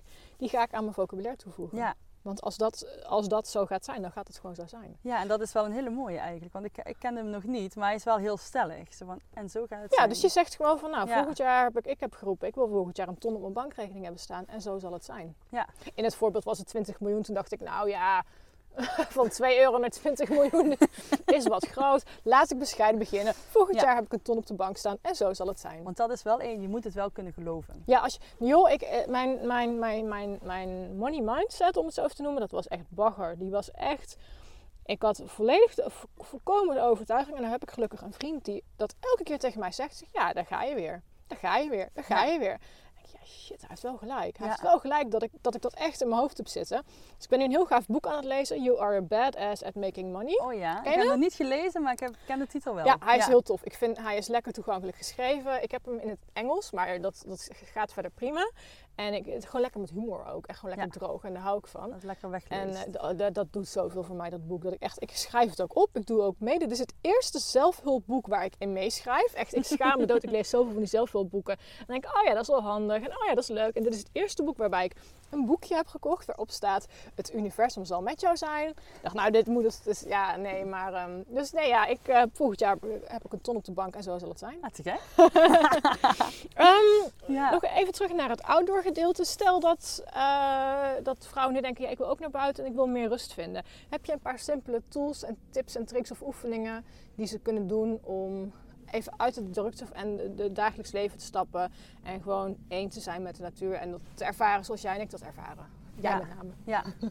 Ehm, ja, ik zou vooral gewoon echt eh, even de moeite nemen om wat verder te lopen, zoals jij ook zei, dan dat de, de gemiddelde mens doet, zeg maar. Of net dat andere pad te pakken, zodat je echt in rust kan gaan lopen. En dan gewoon eens heel bewust je zintuigen open te zetten en te luisteren wat er is. Te kijken wat je ziet. En, en te voelen wat er te voelen is, zeg maar. Raak de boom maar eens aan. eh, als je, hè, we zitten hier bij mooi water, daar ligt van dat heerlijke zachte zand. Ga eens echt met je handen in de aarde. Dat klinkt misschien heel eh, vreemd, maar maak echt die verbinding, letterlijk. Ja. En ehm, zo simpel kan het gewoon zijn. En dan zul je merken dat je gewoon veel meer in het moment komt. En ja, om nog een zweverige term te noemen, eh, om te gaan gronden en te aarden. Dat doe je Mhm. letterlijk door naar buiten te gaan. Het liefst, als het een mooie dag is zoals vandaag, doe je schoenen uit. Ja. En ga met je blote voeten op, het, op de grond of op het gras staan. En, ehm, en neem alles bewust in je op. Want daar gaat het uiteindelijk om. Ja. Al de rest is bijzaak. ja. En trek je niet aan wat anderen van je vinden. Ook dat. Die hoorde ik jou volgens mij ook zeggen in een van jouw podcasts. Van ja, andere mensen zijn helemaal niet bezig met wat anderen doen. Want iedereen is alleen met zichzelf bezig. Ja, Volgens mij was dat de conclusie van jouw Burnout podcast, als ik me niet vergis. Dat wij veel te veel denken dat andere mensen naar ons kijken. Kijk, wij zitten hier nu met een opnameapparaat en eh, hele leuke theemokken en eh, koekjes. En wij zitten hier in het zonnetje tegen elkaar te praten. We praten best wel luid. En misschien Ja. dat als mensen hier nu langslopen, denken ze van... oh, die zijn niet echt in een gesprek verwikkeld. Mhm. Maar boeien, Ja. daar ben ik me echt onbewust van. Maar dat heb ik wel moeten leren. Van oké, dan ga ik hier zitten tegen een boom aan. En wat, wat denken mensen wel niet van Ja. mij dat ik hier tegen een boom aan zit? Ja. Laat Ja. het los, let it go. Mensen letten niet op jou. Nee. Normaal misschien, gesproken. Misschien denken ze wel iets en misschien zeggen ze wel iets. Eh, maar ook dat, alles wat mensen denken en zeggen, zegt iets over hen. En helemaal niks Ja. over jou. Nee. Eh, een mooi voorbeeld is, ik had eh, vorige week zaterdag was een adventure hike. En dan gaan we naar buiten een hele dag wandelen, yoga, meditatie. Toen zaten we in een heel mooi veldje yoga te doen. En toen kwamen er een groep eh, mountainbikers voorbij. Nou, wat Oh. mountainbikers doen, die praten echt super hard. dus die, die fietsen voorbij en... hey, moet je kijken, die zitten yoga te doen. Wow, stel van die eh, mutsen die daar zitten. En een van de dames, die weet het, die raakt dat. Ja. Terwijl het enige wat ik kon denken is, ja, hoe zielig ben jij dat je dat moet denken, weet je wel? Ja. Laat het los, het is oké. En toen, ehm, ja, dan zie je toch hoe vaak die mening van anderen, hoe belangrijk die is. Ja. En het uiteindelijk meer iets zegt over de, in De dit spiegel. geval, ja, hun eigen gedachten over dat wat wij aan het doen zijn. Terwijl ze het waarschijnlijk zelf heel goed konden gebruiken. ja, oh helemaal Ja, mee eens. en ja, op het moment dat je dat kan, eh, kan gaan zien, dat het niet, niet van jou is, dan mag je het ook loslaten. Ja. Ja, Ja, en dat is echt een hele belangrijke stap die je kunt maken. Ja. We zitten echt, ik, ik dacht net, oh, dat paard komt kaart op ons afgerend. Want ik zag zo een tijdje, er zitten staan twee dames met paarden nu naast ons. En dat laat me wel even afleiden, want dat paard kwam naar ons toe. En ik, ik, ben, ik vind hem een beetje groot. Maar goed, Ja, en hij Dus vindt het ook spannend. hij vindt het ook spannend, ja. Ja. Wij zitten hier natuurlijk te praten. Goed. Ja. Ehm, nou ja, op het moment dat je kunt inzien, en dat, dat, dat is best lastig, dat alles wat jij vindt, dat het een spiegel is, dat is gewoon eigenlijk een reflectie. Ja. Ja. En dan gaat er echt een, dan gaat er een wereld voor je open. Op het moment Ja. dat je dat kunt toepassen in je dagelijks leven, volgens mij. Dan, Ja. eh, maar dat, is, dat, dat, dat, dat lukt mij lang nog steeds niet alles. En mij ook niet. Ik bedoel, hè, het, het, weten, het weten wat er gebeurt en Ja. snappen hoe het zit, betekent nog niet dat je het ten alle tijde kan toepassen. Nee, nee. En dat is, dat is gewoon de uitdaging elke dag opnieuw. En dat Ja. zal het ook blijven. Ik, eh, ik dacht altijd van, oh, als ik 30 ben, dan heb ik het voor mekaar. En nu denk ik, oh, ik hoop dat als ik 40 ben, dat ik het voor mekaar heb. Weet je wel? Ja. Het blijft altijd een, een onderzoek, een, een, een proces. En op die manier ehm, ja, gaan we er eh, het beste van maken. Ik probeer maar niet op de paard te Ja. letten. Oh. Ja. Ja, We zijn even aan het eh, stoeien daar. je inderdaad. Ja. Kijk, daar gaan ze. Goed zo. Oh, het is wel lekker weer om paard te rijden. Goed, we gaan... Ja. eh, ehm, we hadden het ook alweer over. Ik ben helemaal van me apropos. Maakt niet uit. Ehm, oh ja, over, over de spiegel inderdaad. Ja. Ja. Ehm, nee, dat klopt. En eh, trek je dus gewoon niks aan. Zet je mobiel alsjeblieft uit. Oh ja. Oh, ja. dat, ik, ik, ik betrap mezelf daar nog heel erg op hoor. Dan ga ik naar buiten en dan denk ik, oh, voor mijn Instagram stories wil ik toch even wat vastleggen. Ja. Wat ik dan eigenlijk meestal doe, is de eerste vijf minuten mag hij aanstaan. Gewoon van, nou oké, dan heb ik een plaatje, heb ik mijn zegje gedaan en dan gaat hij uit. Ja. Dan heb ik toch dat, dat, dat, ehm, dat gevoel van, oké, ik, ik wil even wat delen. Heb ik dan de eerste vijf minuten ge- ge- getemperd eigenlijk en daarna is het gewoon Ja. klaar ook. Dan kun je dat ook weer loslaten. Ja. Precies, en eh, dat is, eh, nou ik ga zo nog even leuke foto's maken hier natuurlijk, maar het is niet alsof ik tijdens het gesprek nu, ik zit wel erg op te letten van, oh dat is een mooi plek. Ik zie die, die gele bomen daar met die dennen en dan die weerkaatsing. Dan denk ik, oh dat is een mooi fotomomentje dadelijk. Dat zal altijd ook wel een beetje in mij zitten. Maar ik kies er ook bewust voor om dat ding uit te zetten. En ehm, ik moet eerlijk zeggen, ik ga nooit zonder mobiel op pad. Maar dat is meer omdat ik een paar maanden geleden of een jaar geleden bijna lastiggevallen ben door iemand. Dat ik het heel fijn vond dat ik toen een mobiel Ja. bij me had. ja, het geeft wel een bepaald gevoel van Ja, ja, ja. veiligheid. Zeker. Dus ik ben de laatste die zegt dat je je mobiel thuis moet laten. Dat zou ik eigenlijk niemand adviseren. Maar je kunt hem wel gewoon op vliegtuigstand zetten of in je rugzak stoppen. Of in ieder geval op gewoon, stil, Of er gewoon niet naar kijken. Begin gewoon eens met er niet naar kijken. Ja. En ehm, Ja, want de telefoon Ja. is een enorme afleiding. En, en zeker als ondernemer heb je hem vaak nodig. Ja. Hè? Ik bedoel, dat is gewoon zo. Maar ehm, zeker in de natuur, hoe vaak ik eh, een workshop heb gegeven. en dan Oh. achteraf denk, oh fuck, ik heb helemaal geen foto's gemaakt. nee, ja. Eigenlijk heel goed, want je bent volledig in het moment. Ja. Zakelijk gezien. iets minder handig. Maar, ach, goed, gebeurt, eh, voor de belevenis was het wel echt fantastisch. En dat is alleen maar fijn. Maar eh, ja, die afleiding van de telefoon. eh, en ik, maar ik merk ook vaak, tenminste in dit gebied, hè, pas geleden ook vaak hier gaan wandelen voor de, het eh, uitzetten van de route. Ja. is ook geen bereik.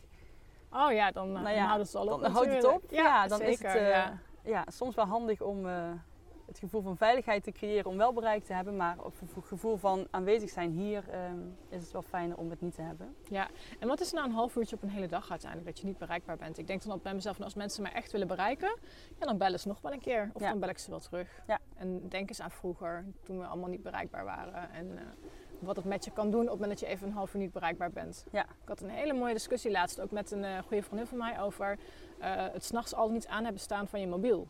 Oh ja, ja. En zij heeft hem aanstaan, ik zet hem uit. En toen hadden we ook gewoon een heel mooi gesprek, open gesprek van waarom moet hij aan of waarom moet hij uit s'nachts. En daar hadden we gewoon ook allebei onze eigen eh, mening over. In, in, in- ook heel respectvol naar elkaar toe. Van niet van ja, maar ik vind het is toch slecht dat je niet bereikbaar bent s'nachts. Want stel dat je, dat je moeder overlijdt, in het ergste geval. Ja. En eh, ik heb ook niet gezegd, ja, maar eh, denk eens aan je nachtrust. En als er iemand overlijdt, dan weet ze me wel te vinden. We hebben gewoon wel dat, uitgesproken, maar Ja. gewoon op een respectvolle manier. ja zonder oordeel. Nou, eh, precies zonder ja. oordeel van, nou, dit is mijn keuze, dit is jouw keuze. En ehm, ehm, ja, dat vond ik ook wel mooi om daarmee bezig te zijn van, hé, maar waarom maak ik eigenlijk de keuze dat ik niet bereikbaar ben s'nachts? Maar ik snap ook dat mensen s'nachts wel bereikbaar willen zijn, Ja. want dat, dat is ieder zijn eigen keuze. Maar een half uurtje per dag, dat zou ik iedereen echt wel, wel gunnen. Ja, dat is echt een hele goeie. Want ik eh, ben ook een eh, leuk boek aan het lezen over eh, het leven met indianentijd. Nou, dat sprak Oh. me enorm aan. Alleen al dat woord. Ehm, en dat gaat over dat je juist die tijd zonder klok ook moet hebben. ja, Dus dat je echt, hè, want dat vind ik vaak als je gaat wandelen, dan kun je de tijd verliezen. Ja, en als je ja, buiten bent. En dat is zo belangrijk, want we leven zo met de klok. Ik- Oh, hè. Als moeder weet dat ook. Zo laat moeten de kinderen op school, zo laat moeten ze uit school, dit en dat. Ehm, als je even de klok kan vergeten, meer in het moment kun je gewoon niet zijn. En dat Nee. is zo fijn. En ja, dat En- vond ik wel een hele mooie. Ja, wel, en, en weer leren vertrouwen op je lichaam. Ik hoorde daar van de week een mooie podcast over. Van wie was dat nou ook alweer? Ik, ik weet het even echt niet meer. Maar dat ging er ook over dat je... Oh, dat was eh, Floris Wouterson, slaapexpert bij eh, Thijs Lindhout volgens mij. Die zei ook van... ehm, jouw lichaam die geeft het vanzelf ook wel aan als die moe is. En je lichaam is erop geprogrammeerd. En ja, ik, ik, ik lig in de herfst. Nou ja, we hadden het net over burn-outs. De, de reden dat ik dit jaar voor het eerst sinds drie jaar niet oververmoeid ben in het najaar en lichamelijke klachten heb, is omdat ik dit jaar voor het eerst eraan toe durf te geven dat ik elke avond om negen uur gewoon kapot ben. Op bed lig. Kwart over negen val ik in slaap. Ja, Dat ik, dat, als je me dat twee jaar geleden had gezegd, ja dag, ik ga toch niet om negen uur naar bed, ik ben toch geen oud mens. Ik vind het heerlijk, echt. Ja. Maar ik sta ook vroeg op. Ik sta vanmorgen om kwart over zes ging de wekker. Ja. Maar dat ik, dat ik denk van, ja, mijn lichaam, die geeft mij gewoon aan. Jij, jij bent een ochtendmens. Me heel lang tegen verzet, want ja, s'avonds coole dingen doen is natuurlijk veel, veel cooler dan s'morgens vroeg opstaan en morgens s'avonds eh vroeg naar bed gaan. Maar dit is gewoon, dit is gewoon mijn natuurlijke ritme. En Ja. ik leer steeds meer te vertrouwen van ja, mijn lichaam geeft nu aan dat hij moe is. Dus ik ga lekker naar bed. Dus met als resultaat dat ik zelfs vaak op zaterdagavond om 9 uur s'avonds in bed lig. Ja. En, dat is ook een leven met eigenlijk ons natuurlijke ritme. Hè? Ik Ja. bedoel, eh, we zijn zo gewend om, ehm, om ons aan te passen eigenlijk aan de, de Ja, maatschappelijke verwachtingen van tijd en wanneer je wat zou kunnen doen. En dat we niet meer echt met die seizoenen meeleven. nee, nee, nee. En- Nee, nou ja, we moeten elke avond, dag zo laat op het werk zijn en dan zijn we klaar. Het zou, het zou veel beter zijn om in de zomer te zeggen van nou, dan, dan beginnen we eerder, zijn we ook eerder klaar. Gaan we later naar bed, heb je minder slaap nodig. Maar in de herfst en de winter is het oké om kortere dagen te maken. Ja, precies. Het zou veel natuurlijker zijn. Ja. Alleen ja, in de zomer willen we vaak minder werken omdat we meer tijd willen hebben om leuke dingen te doen. En in de winter ja. gaan we gewoon maar door. Maar het zou, veel, het zou veel logischer zijn. Ik bedoel, uiteindelijk zijn wij gewoon natuur. En ik Ja. denk dat, ehm, of ja, ik denk, ik weet eigenlijk dat we gewoon daar ons zo van afgezonderd hebben in de afgelopen duizenden jaren. Dat we denken dat wij dat niet zijn. Maar wij zijn ook maar gewoon dieren eigenlijk. Oh, helemaal mee Ik eens. bedoel, Ja, ja, ja. ehm, Wij en- kunnen wel denken dat wij alles kunnen manipuleren in ons brein, wat al oeroud is en in ons lichaam en in ons zijn. Ja. Maar het is niet voor niks dat, dat, dat de mensen voor ons gewoon op de natuur overleefd hebben. Precies. En, en ja, dat wat wij nu pas een paar honderd jaar doen, ja, dat krijg je echt niet eh, bijgebeend, eh, biologisch Nee. gezien. Dus, Nee. Dus daar mogen we veel meer naar gaan luisteren en veel meer mee gaan leven. Yes. En die zonne-energie op, op Oh, slurpen als die er is. En, Oh, dit is zo lekker dat we hier nu zitten. Ja. zonnetje. Ik zit echt te genieten. ik heb een mooi gesprek. Ik zit in het zonnetje. Ik heb het lekker warm. Ja, dan denk ik echt, wow, hoe dankbaar ben ik dat dit gewoon mijn werk is. Ja, wat wil je nog meer? Nou, ja, echt, hè? fantastisch hè? Ja. ja. Ik denk dat we gaan afronden, want volgens mij zitten we echt dik. Oh ja, 1 uur 10. Nou, dat eh, wordt een lang verhaal. Ik hoop dat jullie het vol hebben gehouden. En dat het, eh, nou ja, ik vond het gewoon heel leuk om dit gesprek aan te gaan. Omdat op het moment dat je bepaalde stappen in je persoonlijke ontwikkeling zet, ehm, is het gewoon heel interessant om ook met mensen daarover in gesprek te gaan. En mensen te spreken die daar net iets meer verstand dan jij van hebben. Maar ook te kijken van, hey, hoe, ervaar jij dat? Dus misschien is het wel veel te veel een podcast geworden waarin we praten over, over insider business. Misschien ook niet. Misschien heb je er wat uit kunnen halen. Ehm, laatste vraag voor mij aan jou. Ene laatste vraag. Eh, wat gaat er altijd mee in je rugzak als avontuurlijke vrouw? Eh, voor mij gaat er altijd eh, ja, iets van muziek mee eigenlijk. Hmm. Dat vind ik echt super belangrijk. Als ik kijk naar al mijn reizen, heb ik echt een soundtrack to the travel. En Ja, eh, kijk. Ook dat geeft zoiets moois om, eh, om die gevoelens wat je daar hebt te ankeren eigenlijk Ja, in jezelf. En. Als ik die nummers weer hoor, dat ik dat gevoel van, van kracht en energie en dat dat dan weer naar boven komt. Dus dat vind ik echt heel belangrijk. Muziek is echt een heel belangrijk onderdeel in mijn leven. En ehm, ja, dus dat vind ik wel iets, eh, dat hoort er wel echt bij. Ja. Ja. mooi antwoord. ja. En ehm zijn wij nog iets vergeten? Is er nog iets waar je het zelf over wilt hebben? En Volgens mij hebben we de belangrijkste dingen wel gehad. Volgens ja. mij ook wel, Ik ja. zou zeggen, vooral ga naar buiten en eh, geniet. Yes, leuk. hey, laatste vraag, want ik zei net één laatste, dit is de laatste. Waar kunnen eh, vrouwen die meer over jou willen weten, waar kunnen ze jou vinden op internet? Eh, ik heb een website www.hoi.yoga. Hoi is met Y, volgens Hoi met Y op zijn Ja. Spaans, ja. En dat betekent eh, vandaag, dus leven in het moment, nu. Vandaag hebben we te doen. Oh, het heeft een dubbele betekenis. Ah, Ja, mooi. Dus hoi voor vandaag, maar ook voor happy outdoor yoga. Ja. En ehm, ja, daar kun je mij vinden. Daar zie je ook welke ehm, eh, avonturen ik aanbied. Hè? De adventure hikes en de yoga hikes, dat zijn de echte buitenactiviteiten. Eh, maar ook de wandelcoaching eh, doe ik daar. En hopelijk in eh, 2021 komen er ook wat online programma's bij. Dus eh, dan, als je wat verder weg woont eh, vanuit eh, Limburg gezien, dan eh, kun je me op die manier ook vinden. En daar vind je ook mijn podcast terug. Hartstikke leuk. Ja, Nou, Ja. dankjewel dat we dit mooie gesprek hier in het zonnetje hebben mogen kunnen voeren. Dankjewel voor de superleuke mok die je ook hier hebt neergezet voor, voor ons. De Hoi Yoga Coaching Let the Adventure Begin. Eh, heel fijn dat we dit gesprek hebben mogen voeren. En eh, ik wens jou het allerbeste voor de toekomst. Ja, dankjewel. Bedankt voor de uitnodiging. Daar was ik heel, eh, heel dankbaar voor en ook voor dit mooie gesprek. Dus, nou, heel graag gedaan. Ik heb ervan genoten. Ja, ik ook. dankjewel. Bedankt. Hopelijk heb je genoten van deze podcast en hebben we je geïnspireerd om een avontuurlijke leven te leiden. Luister je deze podcast op iTunes, dan zou ik het tof vinden als je me 5 sterren waardering wilt geven. Wil je meer weten over mij of een van de gasten? Kijk dan op avontuurlijkevrouwen.nl en volg het Avontuurlijke Vrouwen account op Instagram. Ook is er de besloten Facebook community voor avontuurlijke vrouwen waar je kunt connecten met like-minded dames. Lid worden kan eenvoudig door een lidmaatschapsverzoek in te dienen. Voor nu bedankt voor het luisteren en graag weer tot de volgende keer.